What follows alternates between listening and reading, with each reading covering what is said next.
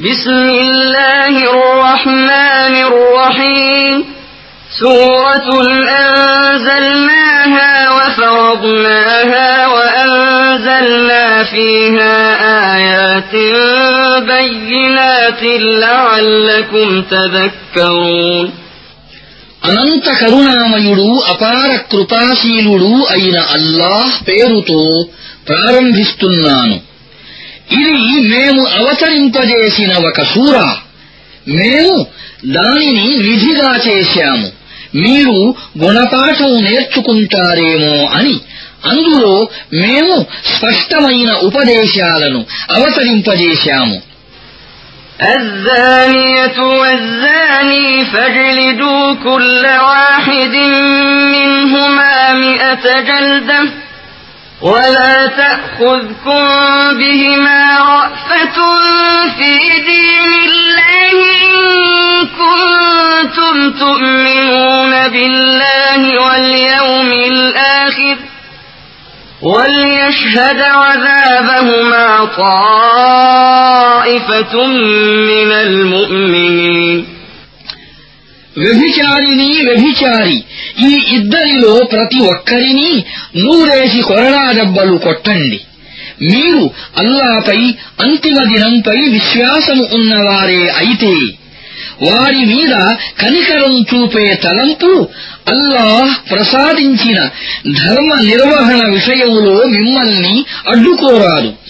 వారిని శిక్షించేటప్పుడు విశ్వాసుల వర్గం ఒకటి అక్కడ ఉండాలి. الزاني لا ينكح إلا زانية أو مشركة والزانية لا ينكحها إلا زان أو مشرك وحرم ذلك على المؤمنين ఒక వ్యభిచారి వ్యభిచారిని లేక ముష్రిక్కు స్త్రీని తప్ప మరెవరినీ వివాహం చేసుకోకూడదు వ్యభిచారిని ఒక వ్యభిచారి లేక ఒక ముష్రిక్కు పురుషుడు తప్ప మరెవ్వరూ వివాహం చేసుకోకూడదు అటువంటి వివాహాలు విశ్వాసులకు నిషేధించబడ్డాయి والذين يرمون المحصنات ثم لم يأتوا بأربعة شهداء فاجلدوهم ثمانين جلدة ولا تقبلوا لهم شهادة أبدا وأولئك هم الفاسقون إلا الذين تابوا من بعد ذلك وأصلحوا فإن الله غفور رحيم ఎవరైనా శీలవతులైన స్త్రీలపై నింద మోపి తరువాత నలుగురు సాక్షులను తీసుకురాకపోతే వారిని ఎనభై కొరడా దెబ్బలు కొట్టండి వారి సాక్ష్యాన్ని ఇక ఎన్నడూ అంగీకరించకండి వారే దుర్మార్గులు ఈ చేష్ట తరువాత పశ్చాత్తాపడి తమను తాము సంస్కరించుకునేవారు తప్ప అల్లాహ్ వారి విషయంలో తప్పకుండా క్షమించేవాడు కరుణామయుడును والذين يرمون أزواجهم ولم يكن لهم شهداء إلا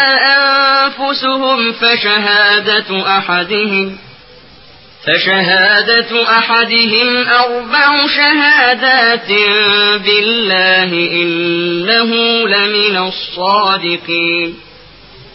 والخامسة أن لعنة الله عليه إن كان من الكاذبين. ويدرأ عنها العذاب أن تشهد أربع شهادات بالله إنه لمن الكاذبين.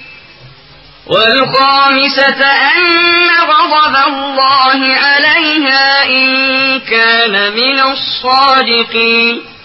ولولا فضل الله عليكم ورحمته وأن الله تواب حكيم ఎవరైనా తమ భార్యలపై నింద మోపినప్పుడు వారిద్దరూ తప్ప ఇతరు ఎవ్వరూ సాక్షులుగా వారి వద్ద లేని పక్షంలో వారిలో ఒక వ్యక్తి సాక్ష్యం ఏమిటంటే తాను నాలుగు సార్లు అల్లాపై ప్రమాణం చేసి తన నిందారోపణ సత్యమని తాను సాక్ష్యం చెప్పాలి.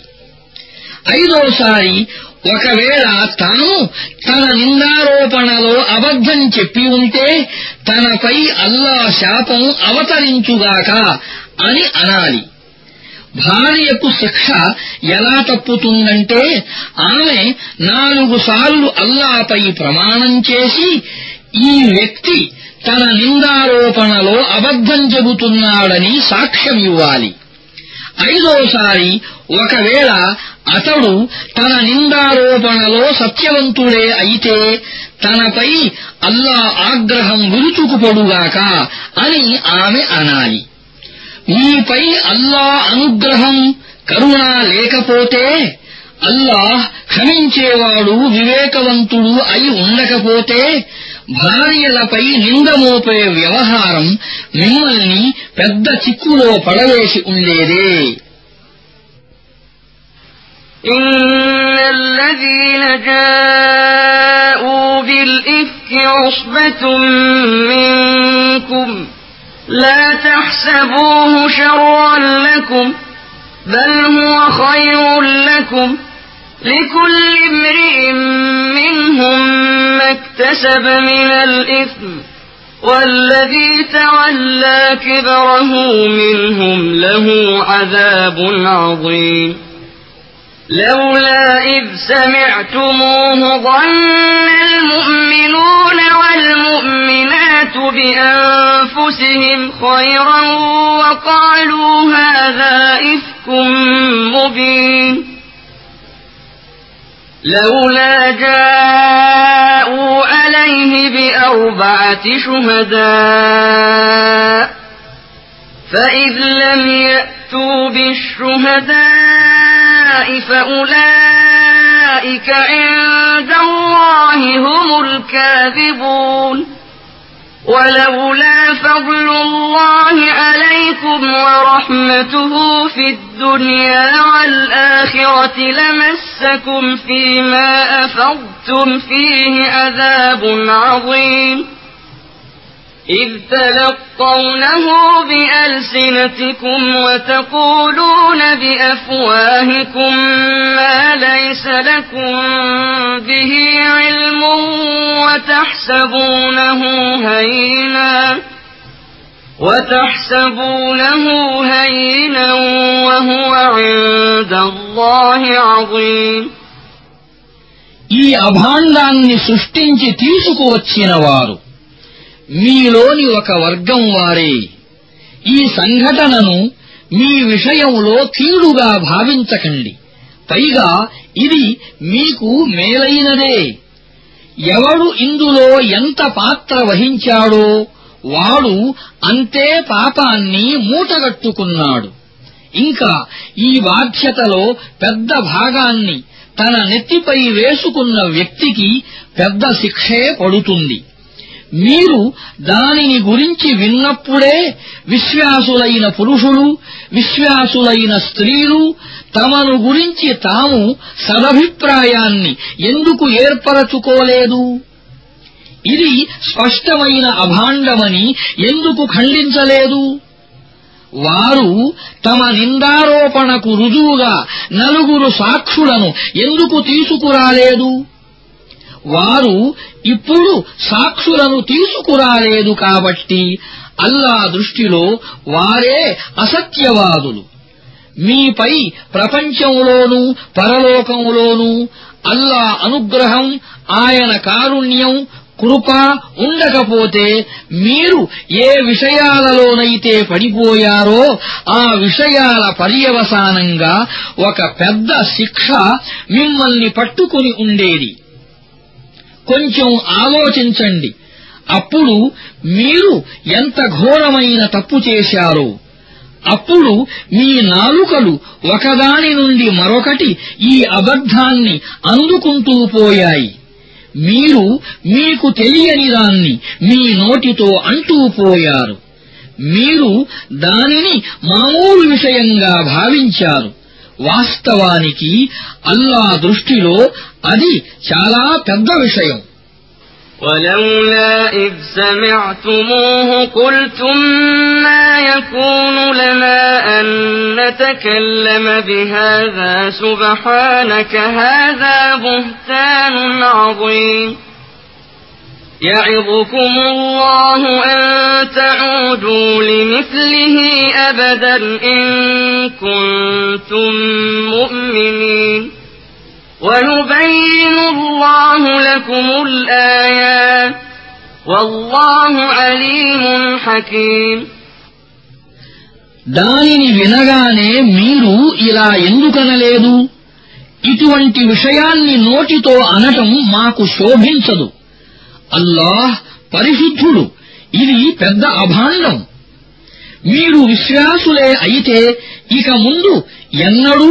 ఇటువంటి చేష్ట చేయకూడదని అల్లాహ్ మీకు ఉపదేశిస్తున్నాడు అల్లాహ్ మీకు స్పష్టమైన ఉపదేశాలు ఇస్తున్నాడు ఆయన జ్ఞాని వివేకవంతుడును إن الذين يحبون أن تشيع الفاحشة في الذين آمنوا لهم عذاب أليم في الدنيا والآخرة.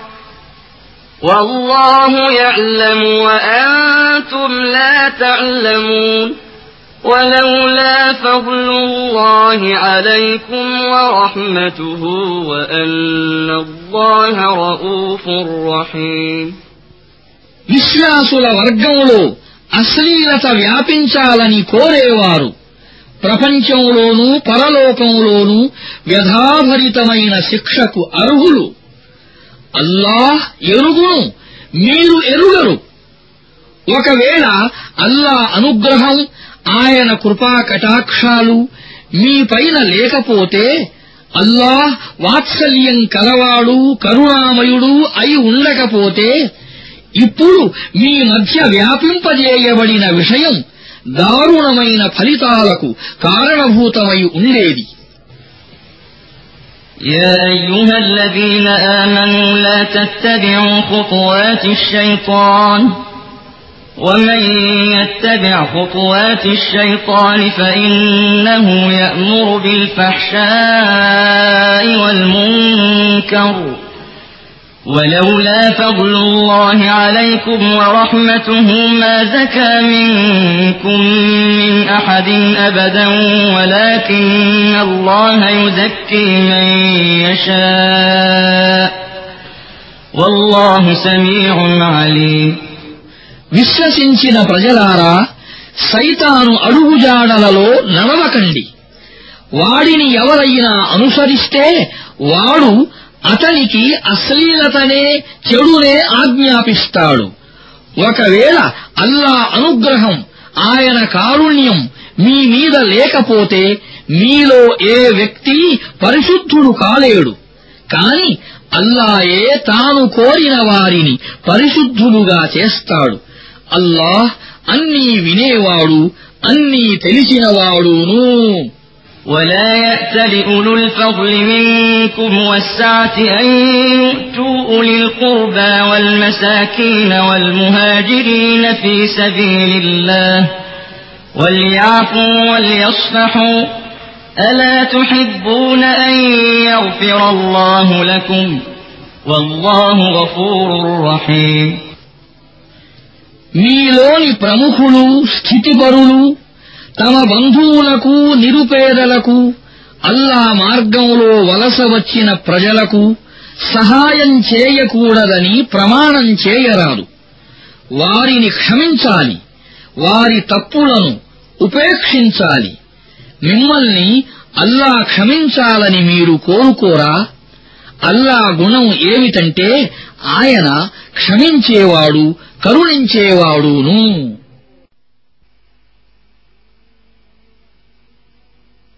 إن الذين يرمون المحصنات الغافلات المؤمنات لعنوا في الدنيا والآخرة ولهم عذاب عظيم. يوم تشهد عليهم ألسنتهم وأيديهم وأرجلهم بما كانوا يعملون. يومئذ يوفيهم الله دينهم الحق ويعلمون أن الله هو الحق المبين శీలవతులు అమాయికలు అయిన విశ్వాసం గల స్త్రీలపై అభాండం వేసేవారు ప్రపంచంలోనూ పరలోకంలోనూ శపించబడ్డారు వారికి పెద్ద శిక్ష పడుతుంది వారి నోళ్ళు వారి కాళ్ళు చేతులు వారి చేష్టలను గురించి స్వయంగా సాక్ష్యం పలికే రోజును వారు మరచిపోకూడదు.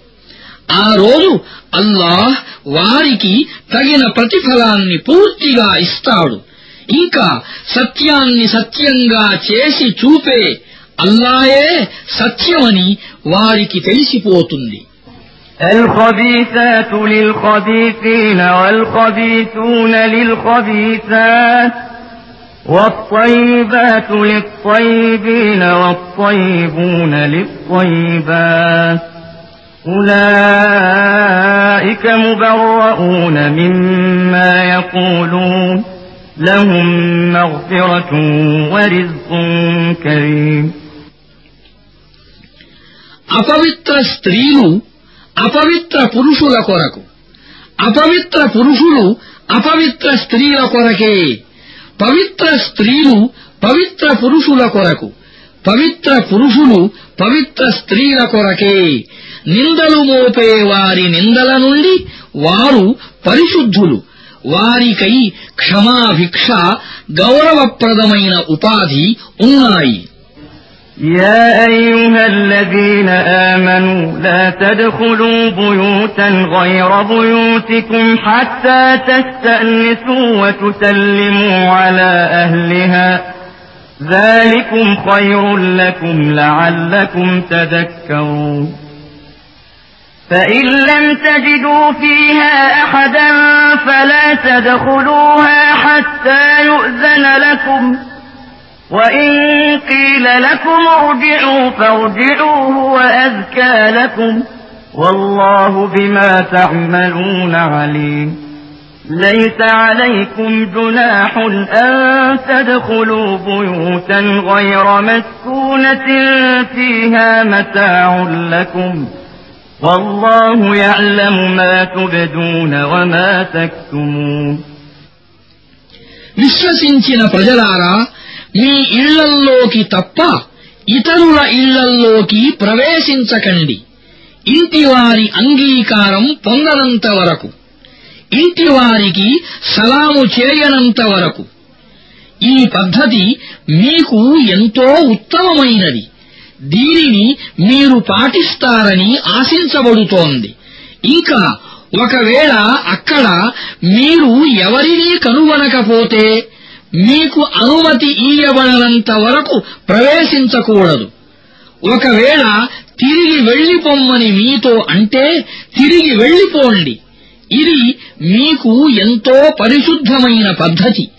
మీరు ఏది చేస్తారో అది అల్లాకు బాగా తెలుసు. అయితే ఎవరికీ నివాస స్థలం కానటువంటి మీకు ప్రయోజనకరమైన లేక పనికి వచ్చే వస్తువేదైనా ఉన్నటువంటి ఇళ్లల్లోకి ప్రవేశిస్తే అది మీకు దోషమేమీ కాదు మీరు బహిరంగపరచేది దాచేది అంతా అల్లాకు తెలుసు قل للمؤمنين يغضوا من أبصارهم ويحفظوا فروجهم ذلك أزكى لهم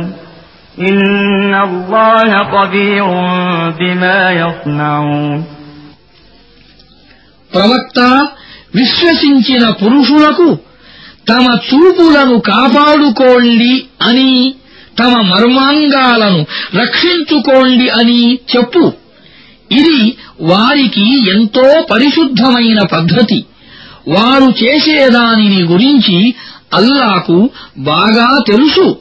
وقل للمؤمنات يغضضن من أبصارهن ويحفظن فروجهن ولا يبدين زينتهن إلا ما ظهر منها وليضربن بخمرهن على جيوبهن ولا يبدين زينتهن إلا لبعولتهن أو آبائهن أو آباء بعولتهن أو آباء بعولتهن أو أبنائهن أو أبناء بعولتهن أو إخوانهن أو إخوانهن أو بني إخوانهن أو بني أخواتهن أو نسائهن أو ما ملكت أو ما ملكت أيمانهن أو التابعين غير أولي الإربة من الرجال أو الطفل الذين لم يظهروا على أورات النساء ولا يضربن بأرجلهن ليعلم ما يخفين من زينتهن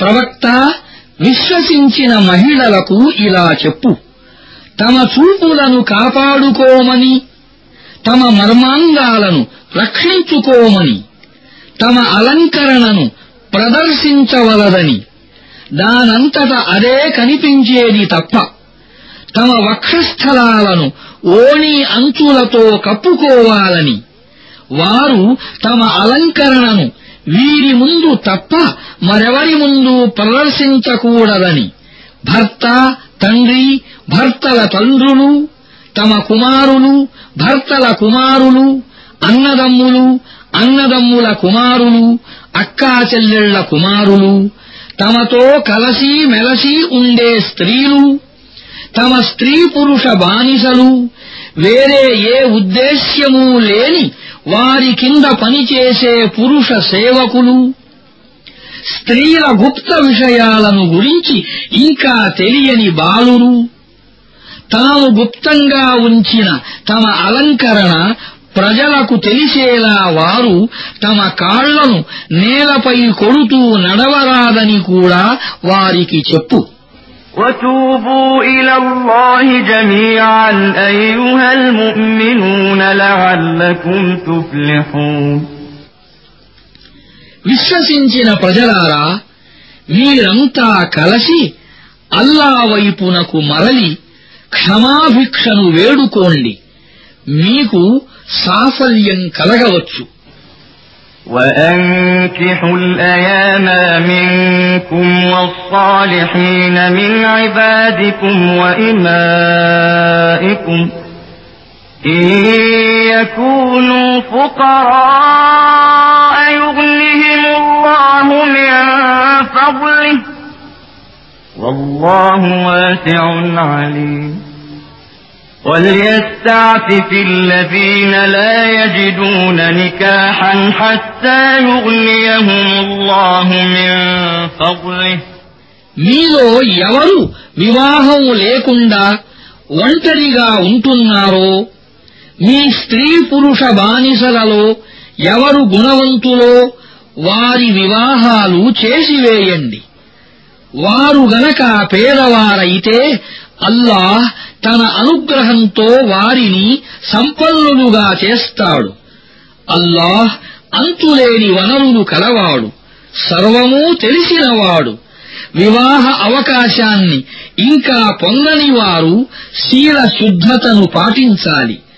అల్లాహ్ తన అనుగ్రహం ద్వారా వారికి కలిమి ఇచ్చే వరకు والذين يبتغون الكتاب مما ملكت أيمانكم فكاتبوهم إن علمتم فيهم خيرا وآتوهم مما لله الذي آتاكم మీ అధీనంలో ఉన్న వారిలో ఎవరైనా ముఖాతబత్ కొరకు విజ్ఞప్తి చేస్తే వారిలో మంచితనం ఉందని మీరు గ్రహిస్తే వారితో ముఖాతబత్తును కుదుర్చుకోండి.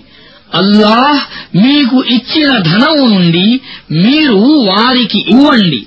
ولا تكرهوا فتياتكم على البغاء إن أردنا تحصنا لتبتغوا عرض الحياة الدنيا ومن يكرهن فإن الله من بعد إكراههن غفور رحيم మీ లౌకిక ప్రయోజనాల నిమిత్తం మీ బానిస స్త్రీలను వేశ్యా వృత్తికై బలవంత పెట్టకండి వారే శీలవతులుగా ఉండగోరినప్పుడు ఎవరైనా వారిని బలవంత పెడితే ఆ బలాత్కారం తరువాత అల్లాహ్ వారిని క్షమించేవాడు కరుణించేవాడును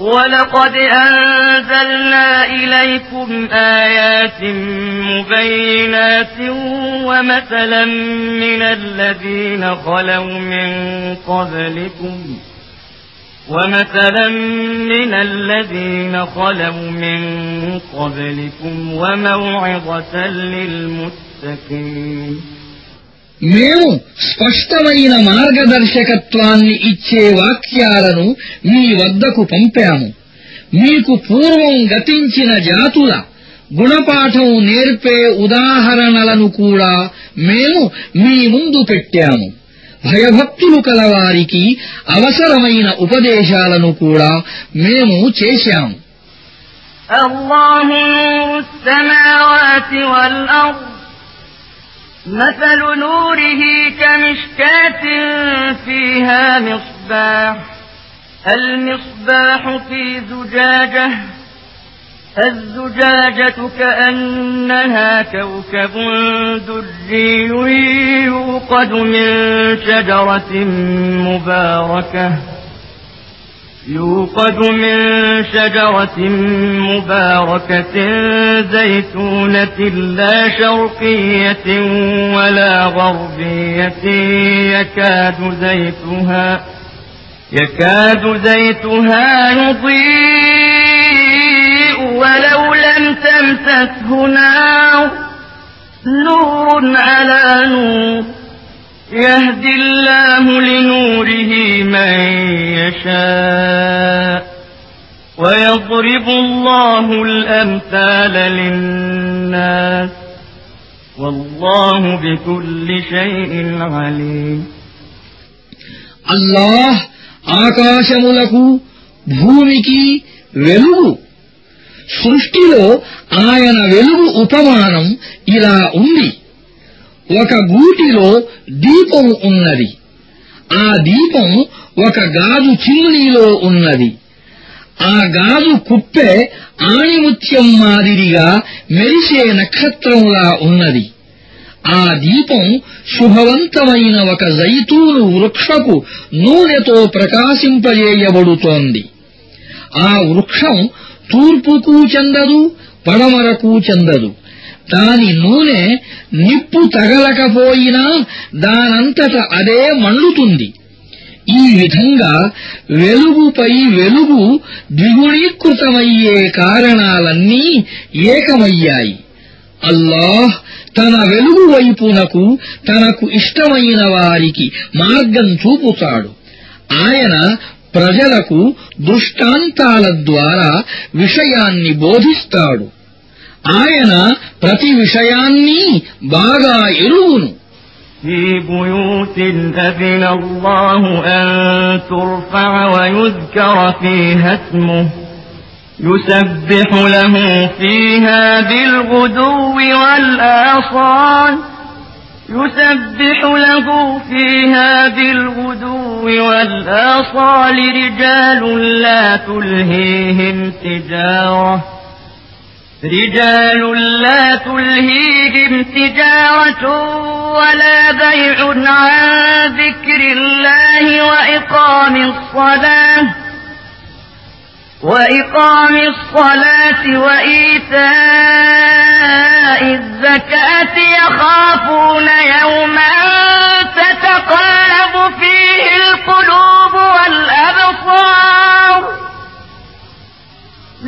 ليجزيهم الله أحسن ما عملوا ويزيدهم من فضله.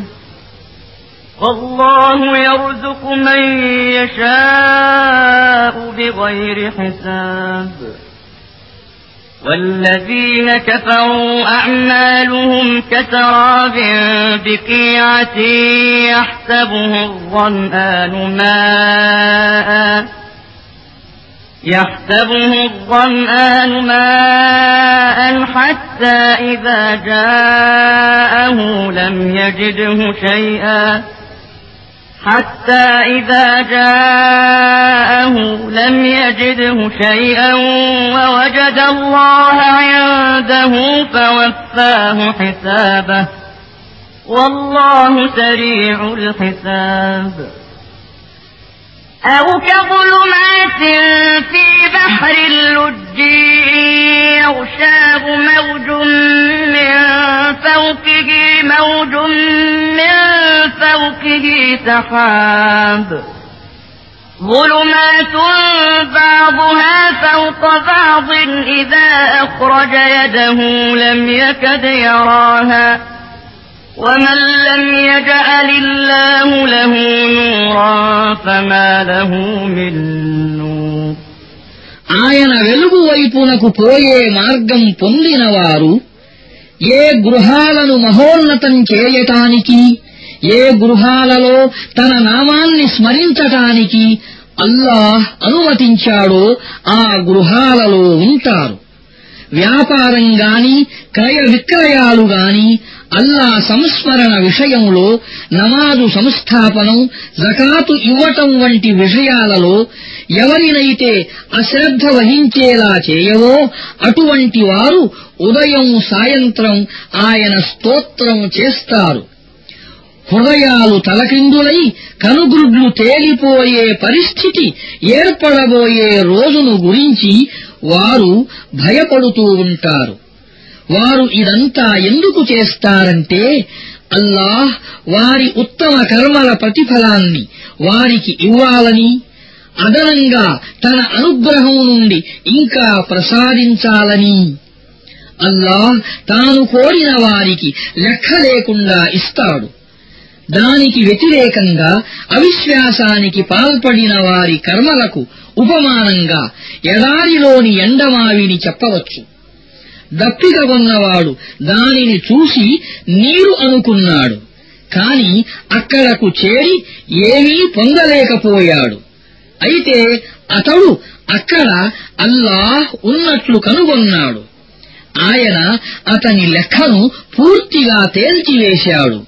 లెక్క తేల్చడంలో అల్లాకు ఏమాత్రం ఆలస్యం కాదు. లేదా వారి కర్మలకు ఒక లోతైన సముద్రములోని చీకటిని ఉపమానంగా చెప్పవచ్చు.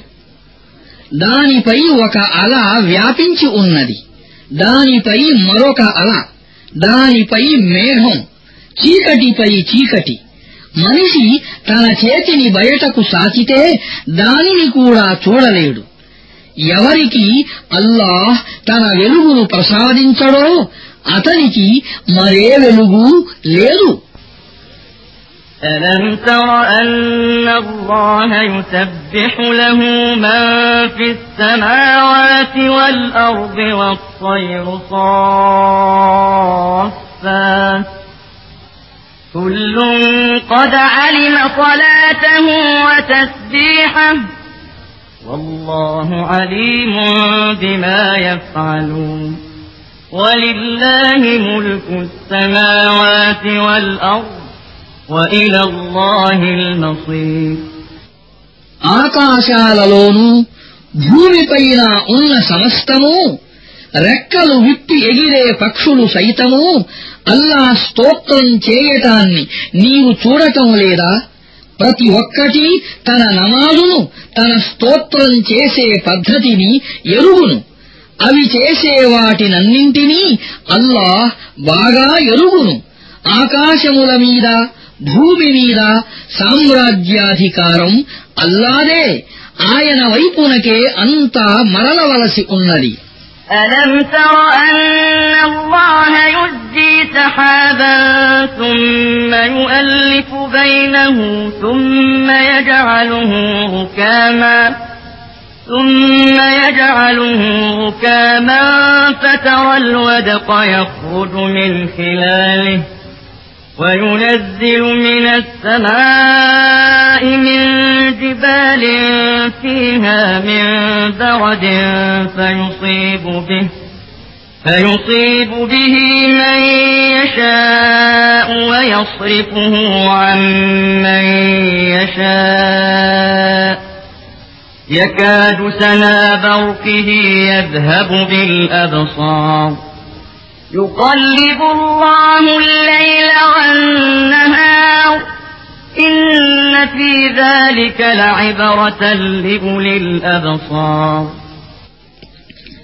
అల్లాహ్ మేఘాన్ని మెల్లమెల్లగా నడపటాన్ని దాని తునకలను ఒకదానితో ఒకటి కలపటాన్ని తరువాత దానిని పోగు చేసి ఒక దట్టమైన మబ్బుగా మలచటాన్ని నీవు చూడవా తరువాత దాని పై పొర నుండి వర్షపు చినుకులు రాలుతూ ఉండటాన్ని నీవు చూస్తావు.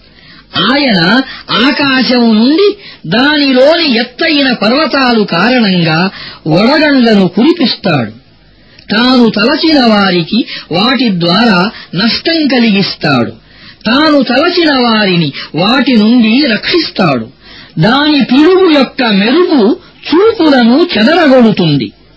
రేయింబవళ్ల పరిభ్రమణను ఆయనే చేస్తున్నాడు కళ్ళున్న వారికి ఇందులో గుణపాఠం ఉంది والله خلق كل دابة من ماء فمنهم من يمشي على بطنه ومنهم من يمشي على رجلين ومنهم من يمشي على أربع يخلق الله ما يشاء إن الله على كل شيء قدير అల్లాహ్ ప్రతి ప్రాణిని ఒక విధమైన నీటితో సృష్టించాడు ఒకటి పొట్టపై నడుస్తుంటే మరొకటి రెండు కాళ్లపై ఇంకొకటి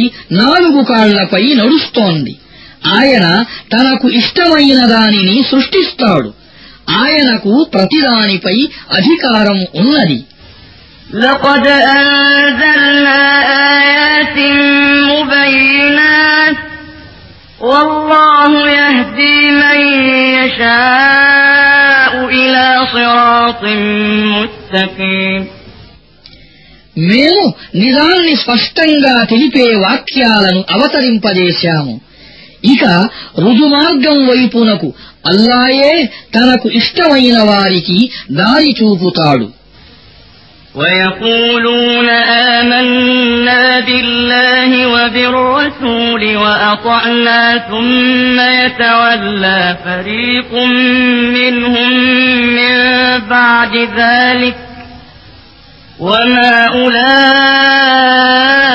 بالمؤمنين وإذا دعوا إلى الله ورسوله ليحكم بينهم إذا فريق منهم معرضون وإن يكن لهم الحق يأتوا إليه مذعنين أفي قلوبهم مرض أم ارتابوا أم يخافون أن يحيف الله عليهم ورسوله بل أولئك هم الظالمون إنما كان قول المؤمنين إذا دعوا إلى الله ورسوله ليحكم بينهم أن يقولوا سمعنا وأطعنا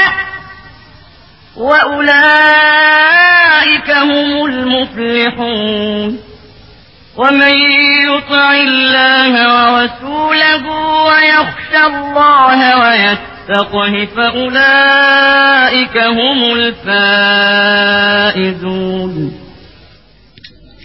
మేము అల్లాను దైవ ప్రవక్తను విశ్వసించాము విధేయతను అంగీకరించాము అని వారు అంటారు కాని దాని తరువాత వారిలోని ఒక వర్గం విధేయత పట్ల విముఖతను చూపింది. అటువంటి వారు ఎంతమాత్రం విశ్వాసులు కారు. దైవ ప్రవక్త వారి మధ్య ఉన్న వ్యాజ్యం విషయంలో తీర్పు చెప్పటానికి వారిని అల్లా వైపునకు ప్రవక్త వైపునకు రమ్మని పిలిచినప్పుడు వారిలోని ఒక ప్రత్యర్థి వర్గం విముఖత చూపుతుంది. కాని ఒకవేళ సత్యం వారికి అనుకూలంగా ఉంటే దైవ ప్రవక్త వద్దకు పెద్ద విధేయులు మాదిరిగా వచ్చేస్తారు. వారి హృదయాలకు కపట రోగమేదైనా తగిలిందా? లేదా వారు సంశయంలో పడిపోయారా? లేదా అల్లాహ్ మరియు ఆయన ప్రవక్త తమకు అన్యాయం చేస్తారని వారికి భయమా? అసలు విషయం ఏమిటంటే అన్యాయపరులు స్వయంగా వారే. విశ్వసించే వారి పని ఏమిటంటే తమ వ్యాజ్యాన్ని దైవ ప్రవక్త పరిష్కరించే విషయంలో వారు అల్లా వైపునకు ప్రవక్త వైపునకు పిలువబడితే మేము విన్నాము విధేయత చూపాము అని అనాలి. అటువంటి వారే సాఫల్యం పొందుతారు. అల్లాకు ప్రవక్తకు విధేయత చూపేవారు అల్లాకు భయపడేవారు ఆయన పట్ల అవిధేయతకు దూరంగా ఉండేవారు మాత్రమే విజయం పొందుతారు وأقسموا بالله جهد أيمانهم لئن أمرتهم ليخرجن قل لا تقسموا طاعة معروفة إن الله خبير بما تعملون قل أطيعوا الله وأطيعوا الرسول فإن تولوا فإنما عليه ما حمل وعليكم ما حملتم وإن تطيعوه تهتدوا وما على الرسول إلا البلاغ المبين వారు అల్లా పేరుతో గట్టి గట్టి ప్రమాణాలు చేసి మీరు ఆజ్ఞాపిస్తే మేము ఇళ్ళ నుండి బయలుదేరుతాము అని అంటారు. వారితో ప్రమాణాలు చేయకండి. మీ విధేయత ఎలాంటిదో తెలుసు. మీ చేష్టలు అల్లాహ్ ఎరుగనివేమీ కావు అని అను. ఇలా బోధించు. అల్లాకు విధేయులు కండి. దైవ ప్రవక్త ఆదేశాలను పాటించండి. కాని ఒకవేళ మీరు విముఖులైతే బాగా తెలుసుకోండి. దైవ ప్రవక్తపై పెట్టబడిన కర్తవ్య భారం వరకే అతను బాధ్యుడు. మీపై మోపబడిన కర్తవ్య భారానికి మీరు బాధ్యులు. దైవ ప్రవక్తకు విధేయులైతే మీరే మార్గదర్శకత్వం పొందుతారు. లేకపోతే స్పష్టంగా ఆజ్ఞను అందజేయటాన్ని మించి ఎక్కువ బాధ్యత దైవ ప్రవక్తపై లేదు وعد الله الذين آمنوا منكم وعملوا الصالحات ليستخلفنهم في الأرض كما استخلف الذين من قبلهم ليستخلفنهم في الأرض كما استخلف الذين من قبلهم وليمكنن لهم دينهم وليمكنن لهم دينهم الذي ارتضى لهم وليبدلنهم من بعد خوفهم أمنا يعبدونني لا يشركون بي شيئا. ومن كفر بعد ذلك فأولئك هم الفاسقون. وأقيموا الصلاة وآتوا الزكاة وأطيعوا الرسول لعلكم ترحمون. لا تحسبن الذين كفروا معجزين في الأرض ومأواهم النار ولبئس المصير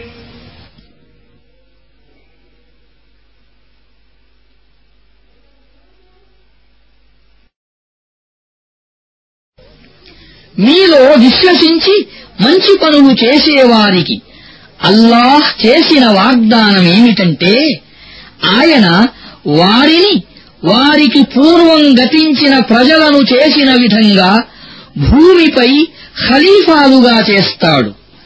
అల్లాహ్ వారికై అంగీకరించిన వారి ధర్మాన్ని వారి కొరకు పటిష్టమైన పునాదులపై స్థాపిస్తాడు. వారి యొక్క ప్రస్తుత భయస్థితిని శాంతి భద్రతలతో కూడిన స్థితిగా మారుస్తాడు. కనుక వారు నాకు దాస్యం చేయాలి. ఎవరినీ నాకు భాగస్వాములుగా చేయకూడదు.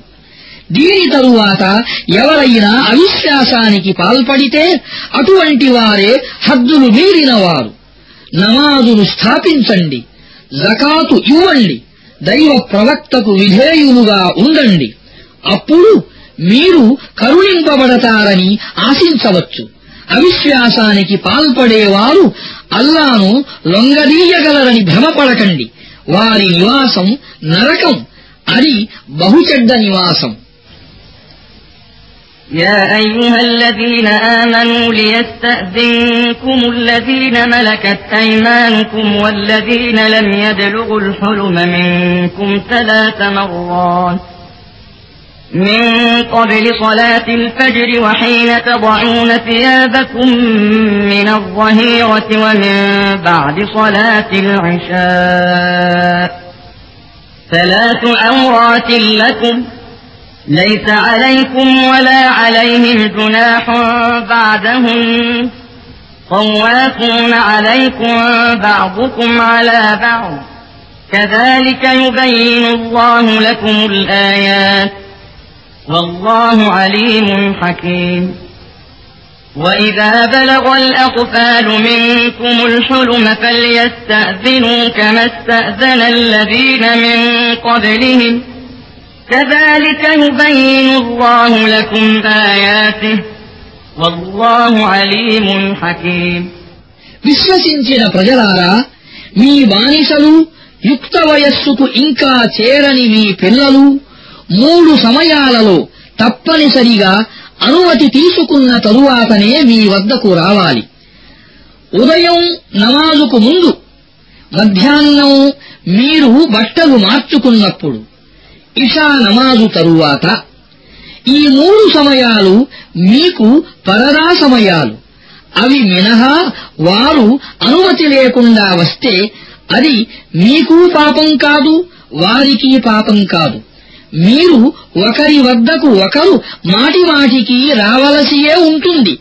ఈ విధంగా అల్లాహ్ మీకు తన సూక్తులను విశదీకరిస్తున్నాడు. ఆయన జ్ఞాని వివేకీను మీ పిల్లలు యుక్త వయస్సుకు చేరుకున్నప్పుడు తమ పెద్దలు అనుమతి తీసుకునే విధంగానే వారు కూడా అనుమతి తీసుకుని మరీ రావాలి.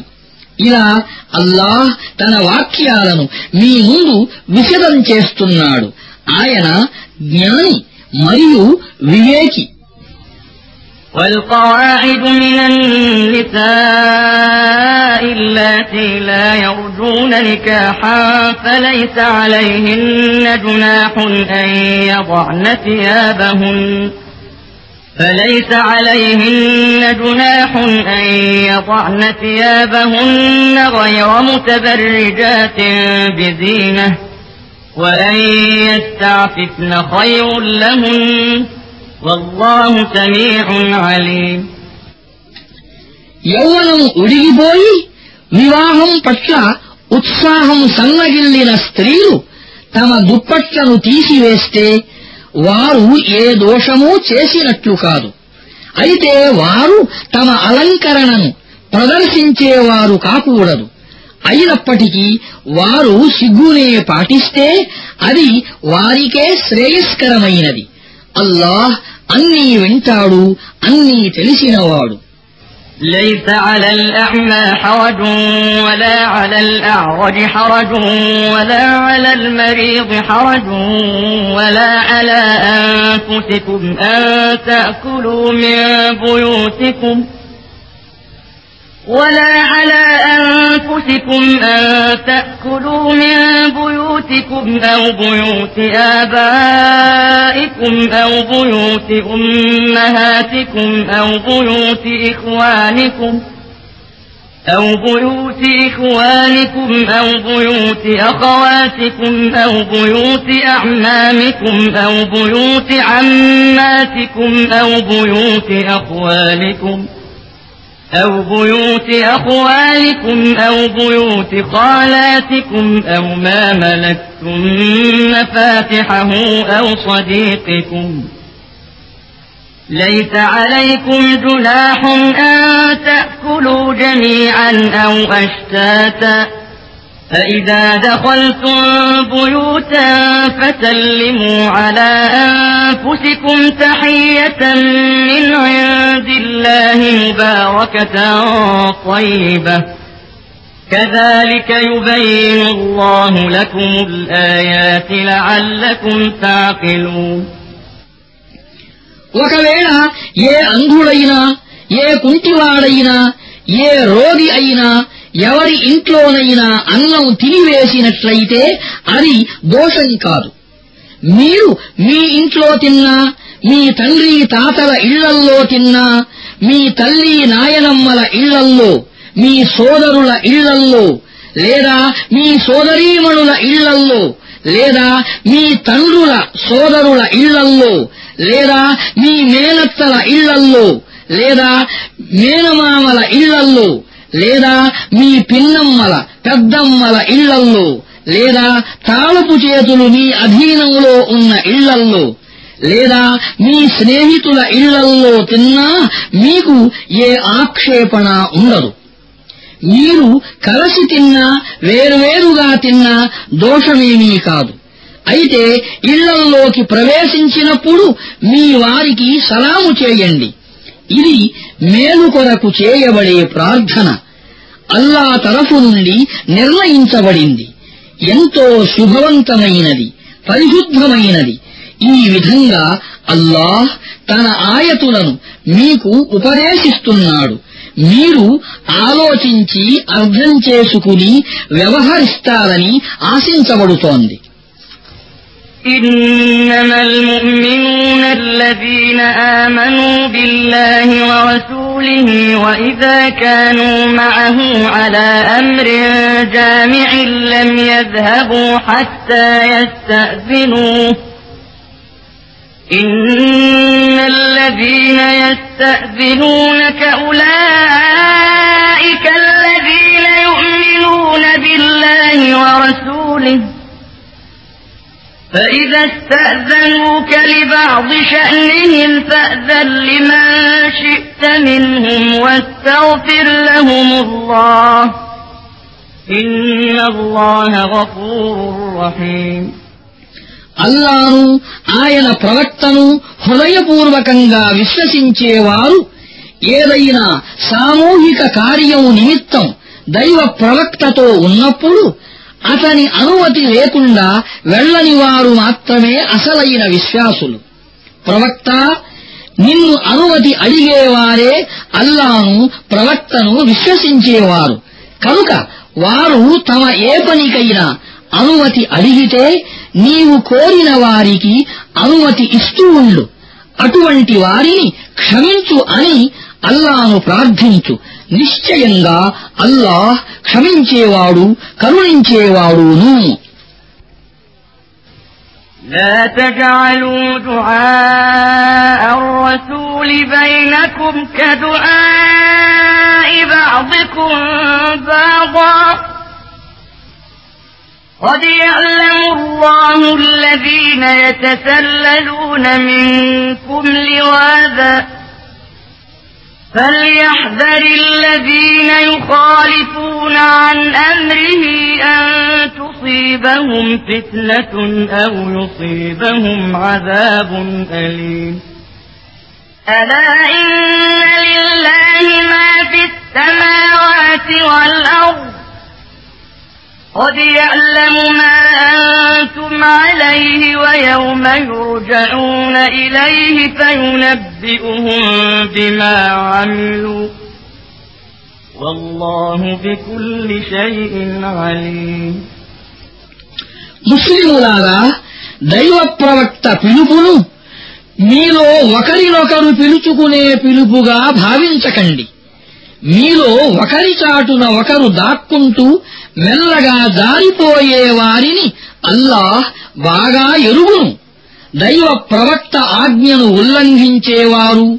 తాము ఏదైనా ఉపద్రవములో చిక్కుకుపోతామేమో అని తమపై బాధాకరమైన శిక్ష ఏదైనా అవతరిస్తుందేమో అని భయపడాలి. జాగ్రత్త. ఆకాశాలలోనూ భూమిపైన ఏది ఉన్నదో అది అల్లాదే. మీరు ఏ వైఖరి అవలంబించినా దానిని అల్లాహ్ ఎరుగును. ప్రజలు ఆయన వైపునకు మరలింపబడేనాడు. వారు ఏమేమి చేసి వచ్చారో ఆయన వారికి తెలియజేస్తాడు. ఆయనకు ప్రతిదానిని గురించి పూర్తిగా తెలుసు.